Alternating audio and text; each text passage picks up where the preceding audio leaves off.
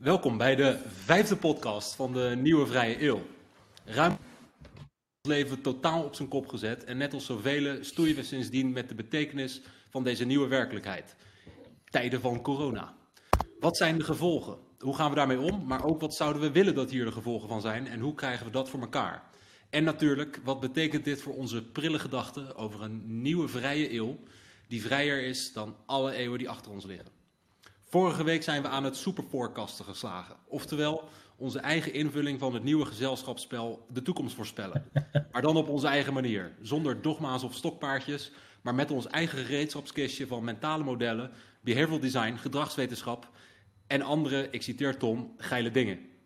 Deze week gaan we verder en pakken we na de woningmarkt en de euro een andere netelige kwestie bij de hoorns. Klimaatverandering. Wij zijn Mark Thiessen, Tom de Bruyne en Tim Versnel. Leuk dat je luistert. Tom, ik begin even met jou. Leg jij allereerst nog heel even opnieuw kort uit wat superforecasting is? Ja, superforecasters zijn eigenlijk mensen die, die consequent structureel beter in staat zijn om de toekomst te voorspellen dan gewone stervelingen. En dan al, heel, en al helemaal dan, uh, dan professionele pundits. En ze hanteren daarbij een paar heel simpele uh, principes. Um, en eerst is dat de, wat heet base raten. Ze laten zich niet gek maken door de, de specifieke eigenschappen van, van het eigenste moment. Ze gaan gewoon heel simpel kijken naar wat is er in het verleden gebeurd en kunnen we dat als basis nemen voor onze voorspellingen. En een tweede ding wat ze doen is uh, ze uh, uh, doen percentuele schattingen. Um, die uh, moeten uh, percentuele uh, schattingen um, en dan binnen een bepaald tijdstip. Dus ze moeten zeggen dat zal bijvoorbeeld um, de, de euro 20% in waarde zakken, dan moeten ze zeggen ik ben 70% zeker dat dit zal gebeuren voor het eind van 2020.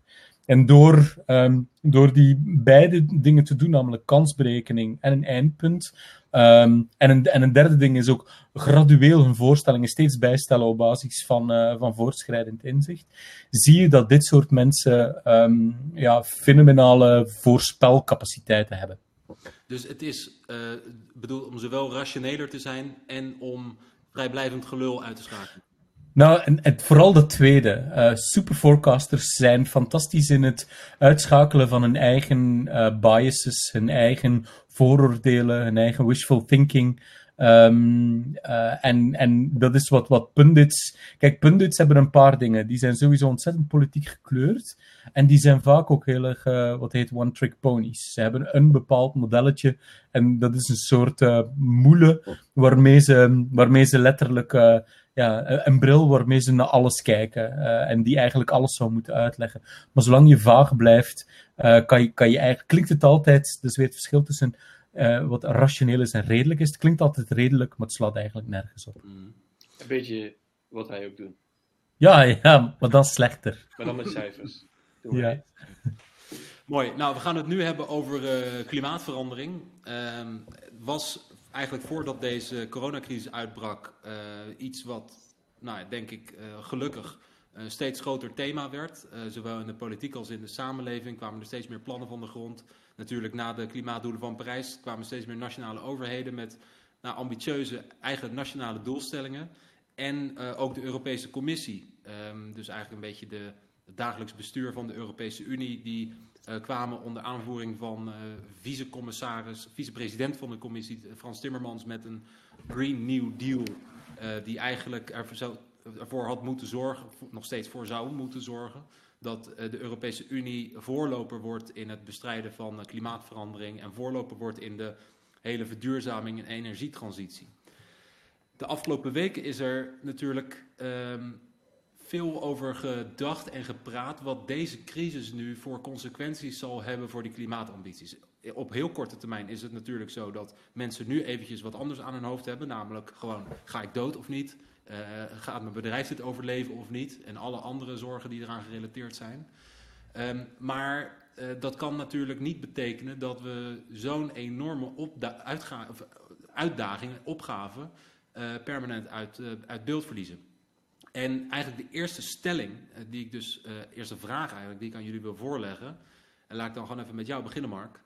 Ehm, wat is de kans dat de door Timmermans eh, gewenste investeringen in een Green New Deal in 2021 minimaal gehalveerd worden? Ehm, hij heeft heel veel gevraagd, hè, Timmermans. Dat was al zo voordat die uh, coronacrisis om zich heen greep. Hij wil ongeveer een kwart van de Europese begroting wil hij uitgeven hieraan. Duizend Ieder jaar. miljoen miljard. Ja, dus het is echt, eh, het is echt nou, het is een beetje zoals eh, die scène uit eh, Austin Powers. Weet je Ja, wel? ja, ja. Dr. Evil. Dr. Evil uh, een, een losgeldvraag van, wat is het ook weer? One million one, dollars. Ja, heel veel geld heeft hij nodig, ja. of denkt hij nodig te hebben. Boelveel. En de vraag is, wordt dat, gaat het eigenlijk nog door? Of, of, of wordt het misschien minder? Of zoals in de stelling zit, wordt het misschien wel gehalveerd of meer? Uh, ik vind het best wel moeilijk, want misschien had hij wel helemaal niet dat volledige bedrag gekregen. Hè? Dat is eigenlijk de eerste, de eerste vraag die je moet gaan stellen. Hè? Als er geen coronacrisis was geweest, had hij dan 100% van het door hem verzochte bedrag gekregen? Mm. Zo, wat denk jij, Tim? Uh, ik denk dat er een heel grote kans is dat hij een heel aanzienlijk deel ervan had gekregen. Ja. Alleen, ja. uh, ik denk dat een uh, groot deel van het bedrag wel iets anders zou zijn ingevuld dan hij wilde. Um, uh, want hij heeft, ik, ik, weet even niet het precieze bedrag. Weet jij het precieze bedrag wat hij heeft gevraagd? Ging, ja, het ging 250 miljard per jaar. Ja, ja. En, en, duizend miljard in totaal. Ja, oh ja, ja, duizend miljard in totaal. Nou, dat is natuurlijk afschuwelijk veel geld. Um, maar er was al wel wat onderhandeling over dat een deel daarvan um, gewoon uh, naar, naar de landen zou gaan, zoals uh, Polen, Hongarije, uh, een aantal van de zuidelijke landen, die gewoon heel veel van die zogeheten structuurfondsen krijgen. Namelijk gewoon structureel geld om hun economie eigenlijk op te waarderen en hun maatschappij op te waarderen. En ze zouden gewoon dan dat geld hebben gekregen, maar dan onder die groene vlag. Dus dan konden ze nog steeds gewoon besteden zoals we van plan waren, alleen dan iets meer gericht op uh, nou ja, vergroening van hun economieën.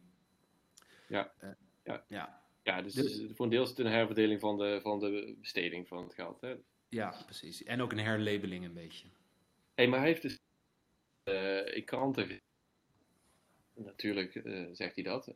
Dit is nou juist het moment om misschien nog wel meer uit te geven aan, aan duurzaamheid. Hè? Want we moeten uit deze crisis komen op een groene manier. Zodat we ook een economie hebben die toekomstgericht is en die uh, niet, niet meer onze oude economie, maar echt een sterke nieuwe economie gebaseerd op uh, duurzaamheid. En dat is natuurlijk ook wel interessant. Dus hij zit nu al in de aanval. Hè? Ja. Ik vind dat wel gaaf ja. hoor, eerlijk gezegd. Nou ja, maar er zit wel een interessante vraag onder natuurlijk. Van, ik bedoel, wat denken we? Laten we gewoon even dan proberen in, even in de psychologie nu van, van de samenleving te duiken. Europees, voor zover dat kan. Ik bedoel, zou dit echt structureel iets veranderen aan, de, uh, aan het belang dat samenlevingen toekennen aan, aan het verduurzamen?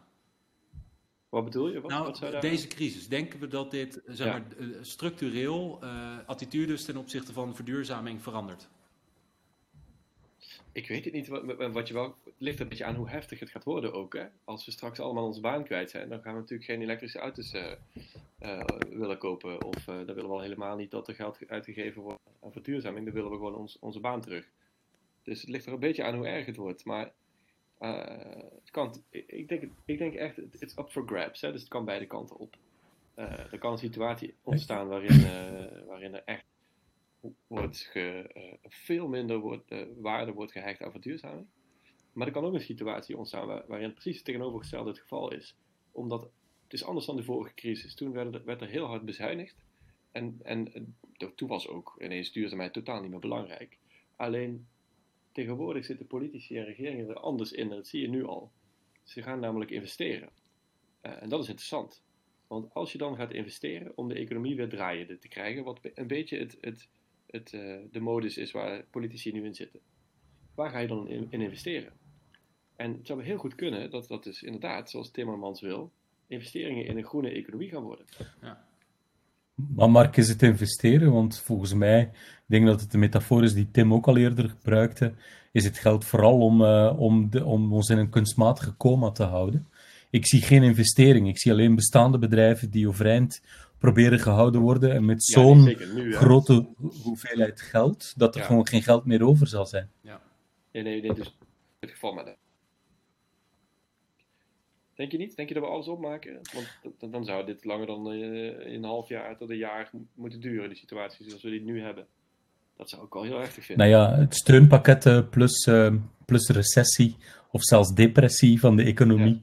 Ja, dan, dan, dan weet je wel dat alle geld gaat in, eh, in het overeind houden van, eh, van, van mensen die een job hebben verloren. Ehm, dus ik denk dat het, dat het, dat het heel utopisch is. Dus jij denkt, eh, is om, om te denken. geld. Straks. Nou, er zijn meerdere dingen die spelen. Kijk, de- deze, deze podcast eh, neemt zichzelf een stukje tot, eh, laten we zeggen, tot, tot, tot eer dat we proberen een probleem vanuit meerdere mentale modellen te benaderen. Ehm, en dat we eigenlijk zeggen van, je kan pas een stukje proberen de, de realiteit beter te begrijpen als je hem vanuit verschillende lenzen krijgt. Ehm, ik denk dat een, een, een, voor mij een belangrijke lens om ook naar de situatie te kijken is, Ehm, hoe wordt duurzaamheid geframed?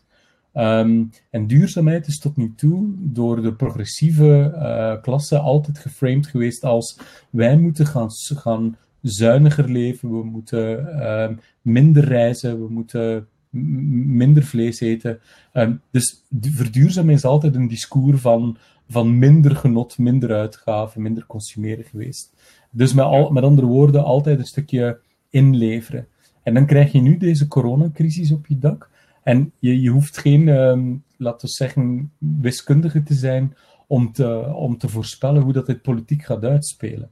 Namelijk dat van zodra dat, eh, dat mensen gaan eh, beginnen over het klimaat, dan gaat de tegenframing van rechts echt eh, ja, onverbiddelijk zijn. Dan gaat het zijn van deze klimaatgestoorden, klimaatgekkies of klimaatdrammers, die, die gaan liever ehm, miljarden stoppen om een paar kikkers, eh, om een paar beschermde padden overeind te houden, dan dat ze mensen hun leven eh, gered worden of een baan gered gaat worden. Maar wat, Dus je gaat een zou- enorme framing over.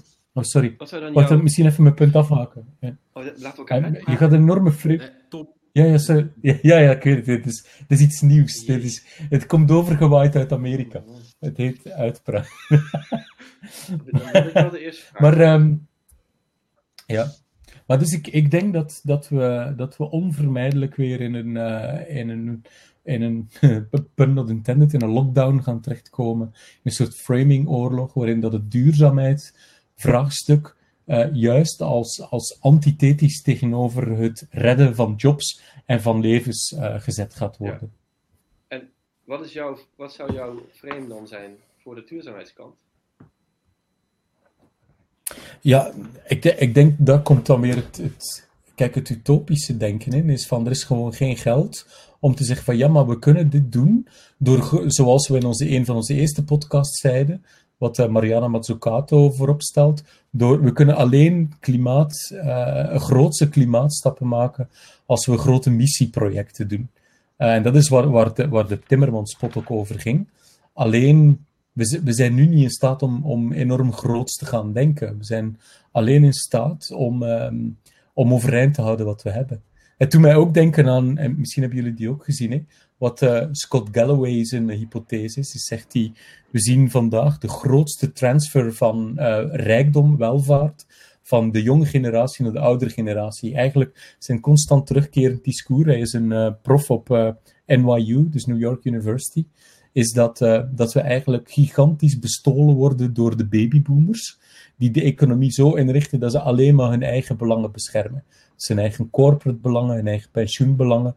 En dus nu ook in deze crisis weer, is dat eh, er miljarden, althans in Amerika is het veel zwart-witter dan hier, worden uitgegeven om die oudere eh, kiezersklasse te behagen. Met als effect dat je, dat je al het geld dat nog ter beschikking is voor jonge mensen om eh, het verschil te maken, dat die opgesoupeerd wordt. Interessant. Mark. Die framingoorlog betreft, hè, maar ik zie dus zelf heel veel kansen juist om eindelijk van het frame af te komen dat duurzaamheid banen kost. Want misschien is het wel Mhm. de enige manier om banen te creëren straks. Ik denk niet dat je het in de oude industrieën gaat halen. Maar wie zal die banen creëren? Ja, ik- ben het- nou- zit mag nou hier, Mark, mag, eh, Yes? Ja, ik, ik, ben het, ik ben het denk ik eens met Mark. Kijk, ehm, al heel snel schreven, werden in verschillende bladen als Economist, uh, Atlantic, een paar van dat soort bladen, vaak best goede stukken over, over economie. Um, werd, uh, werd er eigenlijk al geschreven van we gaan nu toe naar een soort semi-oorlogseconomie. En dat wil zeggen uh, een economie waarin uh, er uh, ongelooflijke onzekerheid is, waardoor alle particuliere investeringen eigenlijk stilvallen. En, en je krijgt totale vraaguitval eigenlijk in de markt. Ja. En de overheid moet die vraag stimuleren. Een vraag stimuleren betekent geld uitgeven aan dingen. En natuurlijk op korte termijn, dat is die kunstmatige coma. Uh, moet je gewoon inkomensverlies opvangen. Moet je zorgen dat mensen zelf geld houden om aan het noodzakelijke, uh, noodzakelijke dagelijkse bestedingen uit te geven. Eten, dak boven het hoofd enzovoort. Maar daarbovenop ga je dan investeren. En dan kom je op de vraag uit, maar waar geef je dan dat geld aan uit? Wel, maar welke vraag stimuleer je dan? En uh, in, in, vorige crisis uh, had je nog kunnen zeggen van nou misschien loopt het wegenonderhoud achter of misschien moeten we uh, weet je wel, iets in de infrastructuur gaan verbouwen. Maar die wegen die liggen er, als je in ieder geval in Noord-Europa kijkt. Ehm, we kunnen huizen bouwen, ja zeker, maar ehm, dat houdt ook op wat je daarin voor volume kan. Dus op een gegeven moment ga je ook een bestemming moeten zoeken voor die massieve investeringsbedragen. Uh, en daar heb je dus eigenlijk nieuwe dingen voor nodig om je geld aan uit te geven. Net als dat de vorige industriële revoluties eigenlijk een enorme bron van economische groei waren. Ja. Puur omdat er ineens nieuwe dingen waren waaraan mensen hun geld konden uitgeven. En, en dat leidt dan dus een toename van welvaartscreatie uiteindelijk. En ik denk dus dat nu uh, we bijna niks anders hebben. Dus ik denk dat verduurzaming noodzakelijk wordt om die economie te kunnen stimuleren. Omdat het een van de enige dingen is waar je, waar je massief geld aan kwijt kunt. Maar zie je daar, dat is een interessante uh, stel, stelling, maar zie je daar dan ook echt, um, zie je daar groot denken vandaag in de Nederlandse politiek op ik dat vlak? Ik denk dat dat uh, begint te ontstaan. Uh, ik, ik um, heb bijvoorbeeld vorige week een, een initiatief gezien wat ik echt bijzonder hoopgevend vond. Ehm, en, en, wat volgens mij een teken is van die mentaliteitsverandering die er is. Namelijk de president-directeur van het havenbedrijf Rotterdam. Uh, heeft in een, uh, uh, een, publieke vergadering aangekondigd dat hij uh, de olie- en kolenoverslag in de Rotterdamse haven, waar de Rotterdamse haven nu groot in is, daar draait de Rotterdamse haven op, dat hij dat geleidelijk aan wil gaan vervangen met waterstof. Dus hij wil waterstoffabrieken laten bouwen en eigenlijk de hele gasinfrastructuur die er nu ligt, wil hij gaan benutten voor waterstoftransport. En, en waterstof kan je groen produceren. Ja. Um, en ik denk dat dat één voorbeeld is van. Uh, en er gaat dan 2,5 miljard is daarmee gemoeid en heel veel banen. Ja. Um, en ik denk dat het één mogelijk één, één voorbeeld is eigenlijk van uh, concrete ideeën die nu aan het ontstaan zijn. En waar dus initiatiefnemers al een vinger op steken van hé hey, overheid, als jij straks uh, voor 100 miljoen de vraag wil stimuleren in de economie, dan moet je hier zijn. Dus ja, ik, maar je ja, ziet het gebeuren. valt de me meeste winst te behalen. Ja. Maar ook, namelijk ook alle infrastructuurprojecten waar je aan kan denken. Bijna alles heeft een duurzaamheidsaspect. Wat dacht je van uh, woningen isoleren, van het gas af, ja. uh, laadpalen aanleggen, ja. uh, hele nieuwe infrastructuren aanleggen hiervoor. Als je wil investeren in infrastructuur. Nou ja, en, en je hebt. En, en deze crisis heeft natuurlijk een, een heel interessant probleem pijnlijk blootgelegd. Is de, de grote afhankelijkheid die we uiteindelijk hebben van van bijna alles wat cruciaal is, wordt hier niet meer geproduceerd. Dus de, er zijn ook talloze manieren om onze eigen voedselproductie, onze eigen energieproductie, uiteindelijk toch, uh, toch op nieuwe uh, manieren. Ik denk ook de manier op dat Philips met ledverlichtingen in combinatie met de kassenindustrie um, ja, een enorme slagen kan maken in het produceren van voedsel met een minimale hoeveelheid water en een maximale snelheid uh, aan, uh, ja, aan, aan, productiekracht. Dat, daar zit absoluut muziek in. En het, het paradoxale is, is dat ik ben over het algemeen degene die daar eigenlijk veel groen-utopischer altijd in dacht en, en nu pessimistisch wordt. Misschien omdat ik uh, eigenlijk altijd het gevoel heb gehad dat het, uh, dat het een beetje ja, schreeuwen tegen, um, tegen dovenmansoren was. En nu dat zo'n momentum zich aandient, ben ik bijna fatalistisch geworden.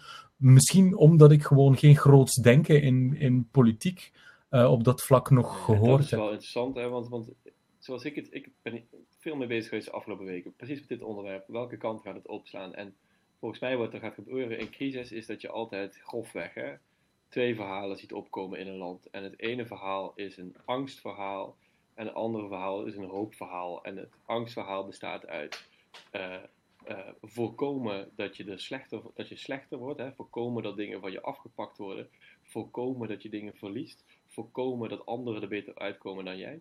En het hoopverhaal gaat over iets anders. Dat gaat over er sterker uitkomen, het geloof hebben dat je er sterk uit kan komen. Maar ook, wat voor land wil je straks zijn? En dat zijn natuurlijk bij uitstek allemaal dingen waar je een fantastisch verhaal op kan bouwen. Dat gericht is op, op vergroening, op de economie van, van morgen, op duurzaamheid, op klimaatdoelstellingen halen, op nieuwe banen, nieuwe technologieën. Ik zie daar een fantastisch verhaal klaar liggen.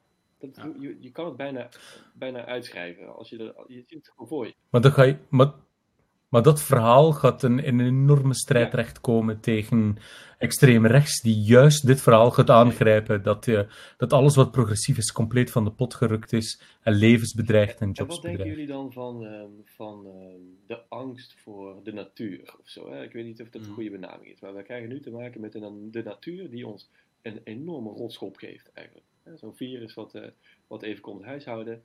In feite zou dat een herinnering moeten zijn aan onze eigen kwetsbaarheid. Mhm. Eh, en dat is eigenlijk dat is natuurlijk hetzelfde bij, bij klimaat. Hè? Dat is een vertraagde werking. Dus het is niet zo dat dat hop opkomt en binnen drie maanden heeft iedereen gewerkt meer.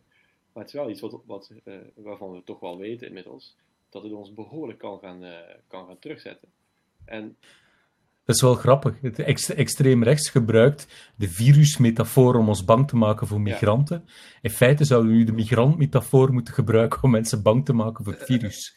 Namelijk van, van moslimfobie naar ecofobie. Ja. Nou ja, maar, maar respect voor ja. de natuur. Het, het, is denk ik een heel interessant punt wat je maakt. Um, mij uh, sloeg na, was het na een week of twee, uh,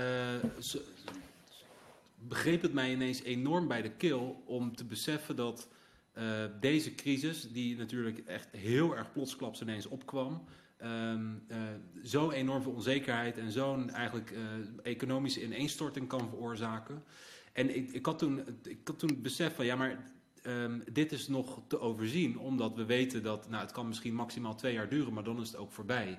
Dus er zit nog een soort van horizon, een soort perspectief aan. Ja. Maar als we straks, als straks op een gegeven moment de eerste serieuze verschijnselen van klimaatverandering zich voordoen en die zijn schadelijk.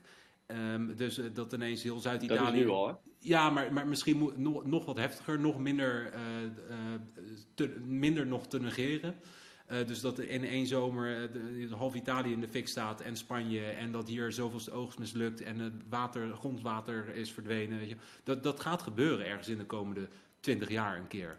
En uh, wat, wat, je dan krijgt is een wel zo'n epische ineenstorting van, van vertrouwen en van de economie. En dan ook zonder perspectief. Als we het ja, helemaal uit dan is de wereld veranderd. Ja, want dan weet je maar één ding zeker. Uh, het is niet, uh, en, en dat is dan niet dat het over maximaal twee jaar weer voorbij is, maar dat, dat het alleen nog maar slechter gaat worden. Het probleem is dat het niet tastbaar genoeg is. Hè? Want, want ik zou wel eens willen, dit is, natuurlijk, dit is echt uit mijn nek kletsen, want ik heb de cijfers niet, hè? maar laten we even gewoon denken. Uh, er gaan nu heel veel ouderen dood aan, aan corona en dat is verschrikkelijk. Maar hoeveel ouderen zijn er vorige zomer en twee jaar geleden in die hittegolf gestorven? Mensen van boven de 80. Hè? Mijn oma bijvoorbeeld is uh, vorige zomer overleden gewoon omdat het veel te warm was. En dat kon ze niet aan. Uh, en dat is over de hele wereld aan de hand. Je hebt volgens mij gewoon nu al over heel veel mensen in die leeftijdscategorie die, die hittegolven niet overleven. En die hittegolven zijn het gevolg van klimaatopwarming. Alleen het is veel minder tastbaar dan zo'n virus dat huishoudt. Ja. Dus misschien zitten we wel al in zo'n fase waarin mensen aan overlijden. Ja. Maar hebben we dat scherp op de. Ja. En gaan mensen dat nu scherper zien, vraag ik me dat af. Nou ja, kijk, ik, ik denk wel dat we hiermee, dat we door deze crisis voor het eerst weer eventjes echt inderdaad met onze eigen kwetsbaarheid worden geconfronteerd. Uh, en ik denk inderdaad dat een groot deel van dat uh, toch wel heel makkelijke wegwuiven van klimaatverandering en de noodzaak van verduurzaming, dat dat mede voortkomt uit inderdaad een soort gewaande onaantastbaarheid en onkwetsbaarheid van mensen. En uh, dat, dat zou dan inderdaad qua massapsychologie iets positiefs kunnen zijn dat hier uitkomt. Dat we eventjes weer aan dat, uh, dat heel beklemmende gevoel wennen van... Hey, uh, als moedertje natuur zijn, zijn staart roert, dan zijn we helemaal niks. Of is dat wishful thinking? Ja, zeker. ook. Kan, ja, ook. maar het zou ook het zou kunnen, ja. ja. Alleen ik denk dat fenomenen nog uh, meer in your face moeten zijn en dat, je, dat er nog een duidelijker verband moet worden aangetoond met menselijk gedrag. Ja, ik heb, ik heb daar een, stuk, een essay over geschreven, hè, met als titel de klimaatshockdoctrine. Um, het eigenlijk um, verwees naar de shockdoctrine van Naomi Klein, die heel overtuigend argumenteert dat, uh, dat elke crisis eigenlijk gehijacked wordt, gekaapt wordt door uh, de, ja, de, de, de, de, grote corporate krachten om nog meer een grip op de samenleving te versterken. Dus de financiële crisis heeft uiteindelijk alleen nog maar meer de grip van de financiële wereld op, um, op de economie uh, ver, verstevigd. En ik denk dat, um, dat, dat juist, wat zien we nu in deze crisis? Het is wel een interessante om dat tegen dat frame te houden tegen dat mentaal model van de shockdoctrine te houden. Nu zie je dat deze doctrine, um, misschien juist paradoxaal genoeg, althans hier in het Westen, um, een, uh, eindigt in, een overheid die zichzelf weer de macht toe-eindigt om een planeconomie te organiseren. Het is iets anders dan in Amerika. Daar, zal, daar zal waarschijnlijk uh, juist weer vooral de grotere corporate krachten die nu al het land beheersen, nog meer kapitaal krijgen om nog meer pure monopolies te creëren. Maar ik denk dat, dat pas uh, klimaatverandering uh, echt iets wordt waar dat. Uh, kijk, het, het, geld dat nu gaat uitgegeven worden om de economie overeind te houden.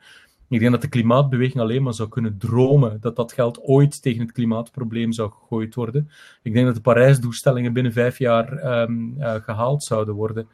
Maar je moet eerst een enorme corona-achtige crisis krijgen voordat de bevolking plat gaat voor uh, Marshallplan-achtige interventies om in razendsnel tempo uh, te proberen ja, aan, aan diepe adaptatie te komen. als, uh, als banenplan, hè? Nee. Als je, als je het linkt aan de wederopbouw, zeg maar, ja. en je geeft er gewoon een groene draai aan, het dan zeg je, dit geld geven we uit om dit land weer erop bovenop te krijgen. Precies. en, en, en, en die richting mm -hmm. is, is in de richting van verduurzaming. Ja. Maar het is gewoon een. Uh... Ja, ik heb de, ik heb de, boeren, ik heb de ja. boeren nog op het netvlies en de, en de hysterie rond de 100 ja, per uur. De, uh, Sorry, Tim. Die uh, oprisping van de, voor, van de oude economie, hè? ik geloof er niks van dat dat. dat, is een op, dat is een laatste stuiptrekking. Cialdini, die, zij heeft in een van zijn boekjes over, over hoe, hoe je angst kunt gebruiken en ook hoe het verkeerd gebruikt kan worden. En hij uh, uh, parafraseert daar uh, Franklin Delano Roosevelt, die natuurlijk zijn legendarische uitspraak heeft gedaan: We have nothing to fear but fear itself. Ja, en, en Cialdini die, itself, yeah. doet daar een kleine aanpassing in en die zegt: We have nothing to fear but fear by itself. Met en wat hij daarmee wil zeggen is van angst alleen, uh, als je alleen maar angst biedt, dan uh, krijg je passiviteit en dan krijg je dat het gevaar ja. wordt ontkend. Maar als je er een handelingsperspectief perspectief aan toevoegt, dan wordt het wel effectief. En ik denk ja. dat daarom misschien deze economische situatie en uh, die angst voor klimaat wel ineens in elkaar versterkende, op een elkaar versterkende manier bij elkaar kunnen komen. Want nu heb je inderdaad, Marco, wat jij ook zegt, nu hebben we ook een concreet handelingsperspectief. Nu is dat geld er. En nu is dat handelingsperspectief ook iets in, wat in zichzelf waarde heeft. Ja. Namelijk, we kunnen er die banen mee creëren. Ja, en het kan nu een gezamenlijke missie worden ook, hè, waar je als Precies. achter staan. Ja. Hey, en dus, dus die stelling, Timmermans, uh, gaat hij de helft van zijn budget moeten inleveren? Ik denk het niet, nee. nee ik, sterker nog, nee? ik ben er wel vrij zeker van overtuigd van niet. Want je moet er nu een percentage aan koppelen, hè? Ja, ik, ik, denk dat die kans echt... Uh, nou, we hebben het afgesproken in uh, kwartielen. Ik denk uh, tussen 0 en 25 procent. Dat, dat, dus hij, dus dat, hij, dat hij dat moet doen. Dus hij houdt gewoon zijn geld? Ja, dat denk ik wel, ja. Of in ieder geval meer dan de helft? Ja, zeker. Ja, Oké, okay. en, en, jij toch? Ja. Ik hou het op 50-50. Ik heb geen handvaten om om naar boven of naar beneden uh, een ja. oordeel in te stellen. Nogmaals, en de reden is, ik zie geen politiek groots meeslepend verhaal momenteel aan de oppervlakte komen die, uh, ja, die, die, die, die hier de nodige draagvlak voor zou kunnen creëren. is, ja, ik ben het wel met je eens hoor. En dat is ook wel. Het is Ja. een beetje. Ja. Volgens mij in dit soort tijden, waarin het eigenlijk niet zo duidelijk is wat er gebeurt, moet je vol in het offensief gaan met verhalen. Hè? Dus, eh, want eh, iedereen is aan het wachten. En iedereen staat te wachten en te wachten dan is, totdat de Ja. mist, mist is opgetrokken. En dan is de mist opgetrokken en dan ziet iedereen wat er gebeurd is. En dan zeggen ze, oh ja, ja, dan hadden we dus dat moeten doen toen. Of wat gek dat we dat niet gedaan hebben toen. Want dan snappen ze ineens precies wat er allemaal had moeten gebeuren. En degene die offensief zijn geweest, die echt op tijd zijn begonnen met het pushen van hun verhalen, die komen er sterker uit. Eh, en dat vind ik wel, wel gaaf aan Timmermans, dat hij dus een paar weken geleden meteen in de aanval ging. En eigenlijk de oplossing claimde, meteen al. Meteen al. We waren nog geen twee weken dicht, geloof ik. En hij zei al, dit is de oplossing. We moeten nu eigenlijk eh, precies doen wat ik al eerder zei. Eh, en misschien nog wel meer. Ik vond dat wel gaaf. Ik ben geen grote Timmermans-fan. Ik ben geen Ja, grote dat is wel waar. Maar dat, is, dat zijn de dingen die er, die er straks sterker uitkomen. En ja, ik, ik zit meer op Tim's een percentage. Maar met name ook omdat hij... het is geld wat, niet, eh, wat eigenlijk al bestaat. Hè? Dus het is gewoon een, begro- een begrotingskwestie. En hij zal niet die, alles krijgen wat hij vraagt. Maar het is ook niet dat er heel veel nieuw geld opgetuigd moet worden. Dus zal hij echt wel... eh, ik denk dat hij het voor een groot deel gaat krijgen. Voor, voor mij zit hem echt in de combinatie van drie dingen. Eén, eh, die, ehm, eh, die, die ervaring met die kwetsbaarheid. Ehm, en, en de ervaring met, de, met name de kwetsbaarheid van onze economie, onze maatschappij. Ik denk echt dat dat in, eh, in massapsychologie eh, een effect kan bereiken. Daarnaast, factor 2. het feit dat er zoveel geld beschikbaar is om economische groei aan te jagen. En dat er een bestemming moet zijn voor dat geld. Ja. Ehm, en ik zie hier, nou, net als in vorige industrialisaties eh, eigenlijk, eh, is, of de technologische revoluties moet ik eigenlijk zeggen, zie ik hier een enorme bron voor nieuwe bestedingen in. En het derde, wat we nog niet hebben benoemd en wat ik denk dat doorslaggevend ook zou kunnen zijn, is dat eh, eh, deze coronacrisis valt natuurlijk samen met eigenlijk ook een soort natuurlijk eh, economisch shakedown moment. Namelijk, we zaten heel lang op een hoogconjunctuur. Er moest sowieso een keer een recessie komen, gewoon om weer het kaft van het koren te scheiden in de economie. En er zijn er gewoon gaan veel banen verloren en zijn al veel banen verloren gegaan in bedrijven, in sectoren die er eigenlijk ook gewoon in natuurlijk verloop aan toe waren om te krimpen. Ehm, en eh, hiervoor eh, was er enorme krapte op de arbeidsmarkt. Er waren gewoon veel te weinig mensen.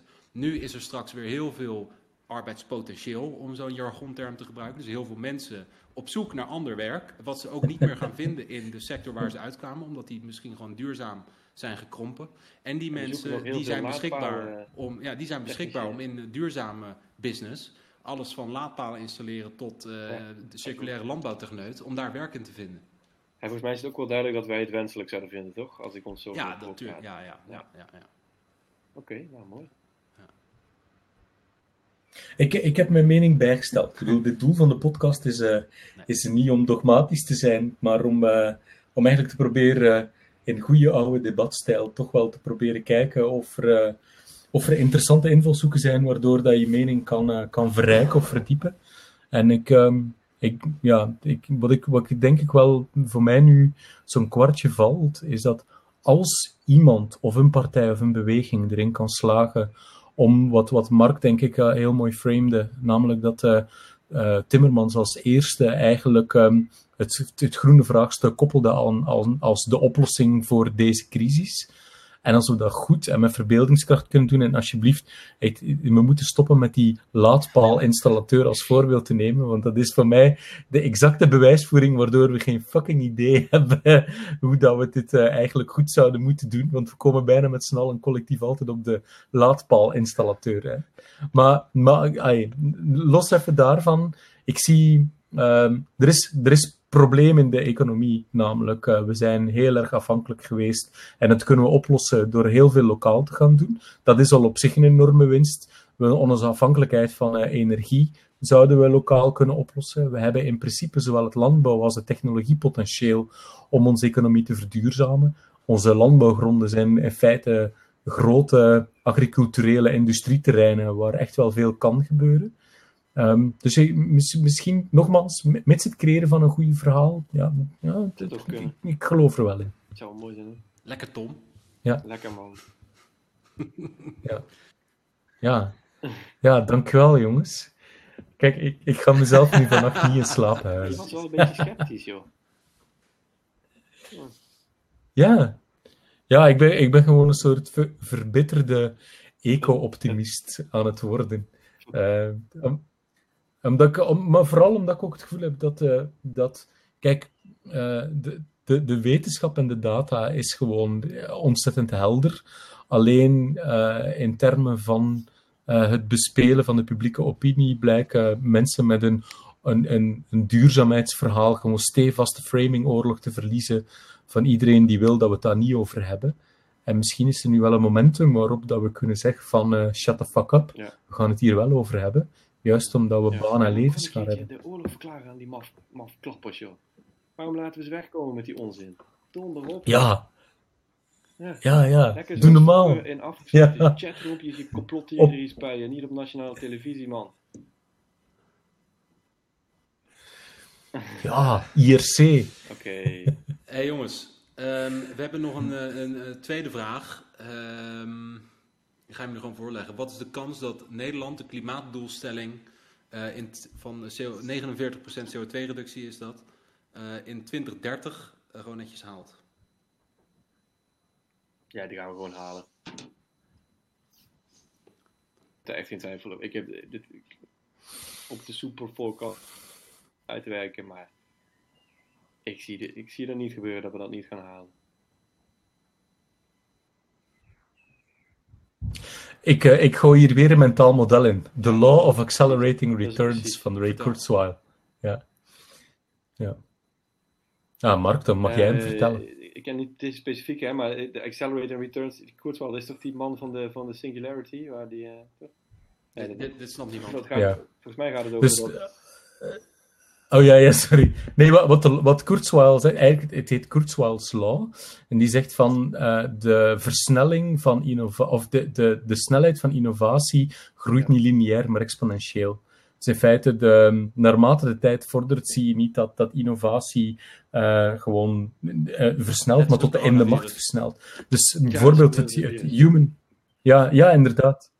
Net als het, het Human Genome Project. eh, Ze hadden zeven jaar om het te doen. Op jaar zes zaten ze ehm, ehm, nog niet eens halverwege. Maar dat maakte niet uit, want door het feit dat die eerste twee jaar die, die curve logaritmisch ging, hadden ze hem in het zevende jaar gewoon compleet gekraakt. En zo gaan we het hier ook zien. Is dat technologie groeit exponentieel. Dus wat nu nog ehm, eh, misschien 2% is, is volgend jaar 4%, dan 8%, dan Maar ook 64 weer en dan zijn we er. technologie, hè, ook de, volgens mij ook de, eh, de wil van mensen om dit te doen, Ja. is afhankelijk van wat er om hen heen gebeurt. Hè. Maar Dus jullie zijn het toch met elkaar ik eens? zeg wel eens... Ja, Maar ik wil tegen- wel. kijk, heel veel mag- van mag wat je moet- ding, één ding, want je had het over Cialdini. Wat je ook gaat zien, is dat eh, waar vijf jaar geleden in mijn straat één lul was met een, met een elektrische auto, wat we allemaal wel interessant vonden, maar we dachten ook, wat een, wat een mafkees met zijn elektrische auto. Nu zijn het er tien, en volgend jaar zijn het er vijftien, en op een gegeven moment heb ik er gewoon ook één. Alleen al om het feit dat op een gegeven moment bijna iedereen in, in mijn omgeving zo'n ding koopt. Ja. Dan gaan andere mensen het ook kopen. Puur om een gedrag te kopiëren, Ja. gaan ze ook zo'n auto kopen Ja. of zo'n zonnepaneel op hun dak leggen. Het wordt gewoon kudde gedrag. Hoe meer mensen het doen, hoe sneller het gaat. Ja, maar ehm, prima. Maar een, Ja, is prima. ja, een auto kopen, kijk, die auto-uitstoot dat is een paar procent hè, van de CO2-uitstoot. Ehm, het, het probleem is dat heel veel van de dingen die ehm, heel erg veel CO2 uitstoten, ehm, eh, zaken zijn die voor 10, 20, 30 jaar eh, worden gekocht. Dus je hebt te maken met Ja. fabrieken, met Ja, energiecentrales. aftakkrakers. grote eh, dingen eh, die je gewoon, die, waarvoor je, als je mazzel hebt, één keer in de tien jaar een soort van natuurlijk vervangingsmoment hebt. Dus ofwel, Nou, en het moet wel- allemaal in de tien jaar gaan gebeuren, of we moeten allemaal dingen gaan vervangen die nog niet aan vervanging toe zijn. ja. ja, en Ehm, En en dat natuurlijk- zie ik wel lastig in, eh, eerlijk gezegd. dat is ook waar mijn, een- eigenlijk waar mijn enige twijfel ligt. En dat zit bij, bij dit soort eh, hele grote, eh, vaak eh, industrie is dat hè. Eh, maken van plastic. Dat is zo'n beetje de, de, meest eh, energieslurpende bezigheid die je kan hebben. Eh, en inderdaad, iedere tien jaar wordt daar een investering in gedaan. En dan moet je dus eigenlijk erop mikken dat de volgende investering wordt gedaan in een, eigenlijk een nieuwe technologie die nog niet bestaat, namelijk elektrificatie van, van dat soort processen. Maar het zijn allemaal buitenlandse bedrijven. Hè? Dus waarom zouden die dat doen? Als de Nederlandse overheid zegt, ja, we gaan jullie zo hard eh, CO2 belasten dat jullie dit, je moet wel elektrificeren. Dan zeggen die gasten gewoon, ja, donder op. Gaan we wel weer terug naar, eh weet ik veel, Zuid-Korea of eh, misschien gewoon de grens over. Ja. Dat, gaat- dat kan, hè? En gaat de, Nederlandse, gaat de Nederlandse regering nu nog zeggen, Hebben jullie gehoord van... veel eh, banen verloren zijn, eh, we gaan toch die CO2-tax opleggen. Ik, ik, las deze week, ik las deze week over een, een, een boekje dat verschenen was. eh heet Ja. The Brussels Effect. Ik weet niet of je ervan gehoord had.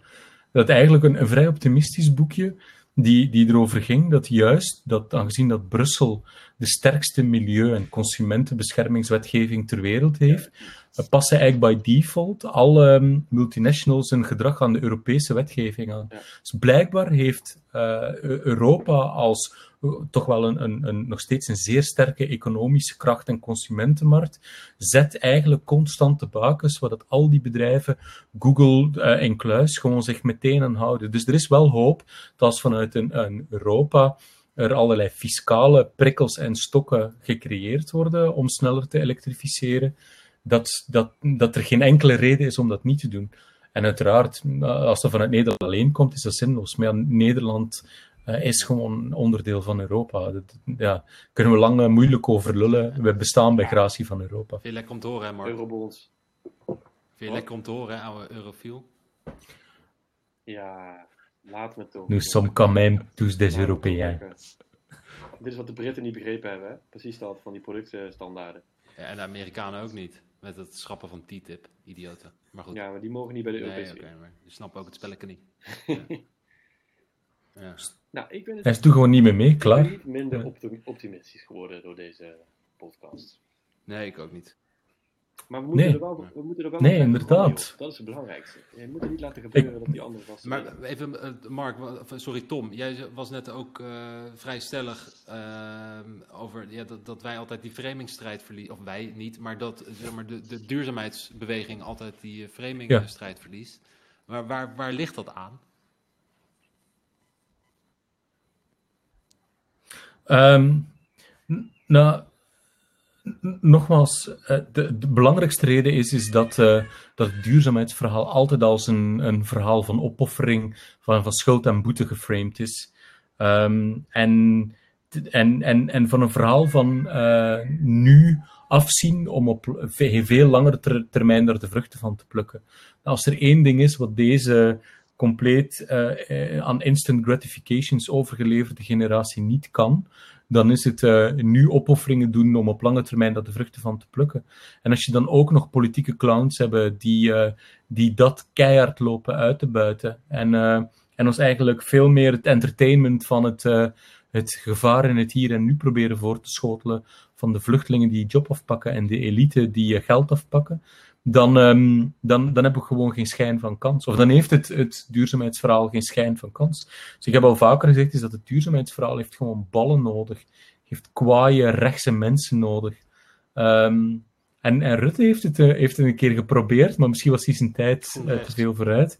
Ja. Met zijn, wat is het? Ja. Dat hij zei van Oh, duurzaamheid, ja, groen ik rechts. worden, denk ik. Ja, fuck it. Het Nee, zonde. is zonde. natuurlijk eigenlijk zo nu, hè? Volgens mij, eh, wat ze nu gaan doen, van plan waren, is niet zoveel verschillend van wat hij toen, eh, Zeker. toen wilde. Waar hij toen al afgefakkeld werd. Ja. Ja. Maar ja, jongens, Nee. elf jaar geleden. nee. Ja. Of langer nog. Nee, maar, maar dat is, dat is denk ik, dat is het punt dat, ik- dat ik wil maken, is wa- wanneer wordt duurzaamheid nu eindelijk sexy gemaakt? En ik geloof ook echt niet dat het een verhaal van zelfkastijding ho- hoeft te zijn.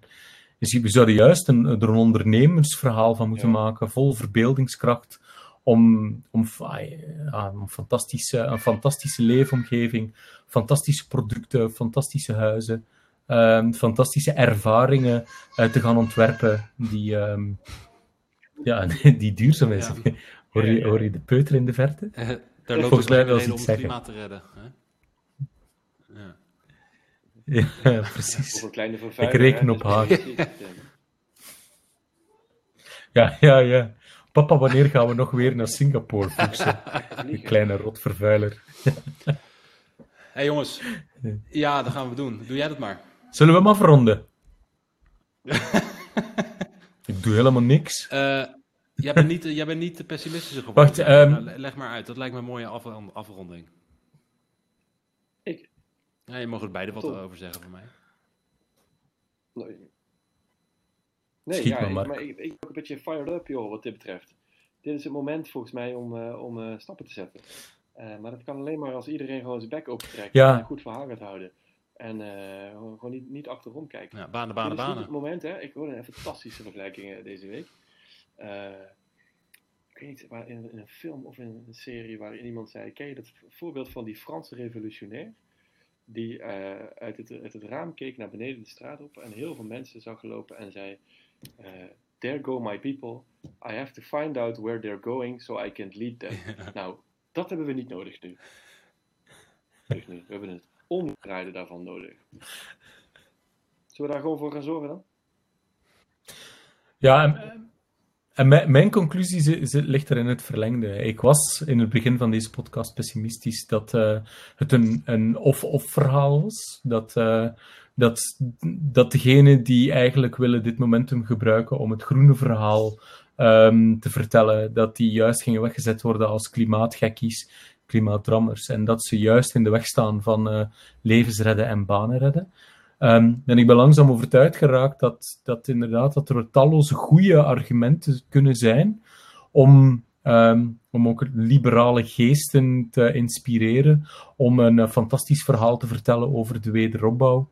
Maar laat ons dan alsjeblieft de laadpaalinstallateur echt keihard in de knieën Nou, we schieten. hebben er al zo weinig. Ja. Zet hem maar uit, Mark. Dit wordt niks meer. Dat is goed. Nou, bedankt voor het luisteren allemaal. Alweer onze vierde podcast. Yo. Tot de volgende keer. De vijfde.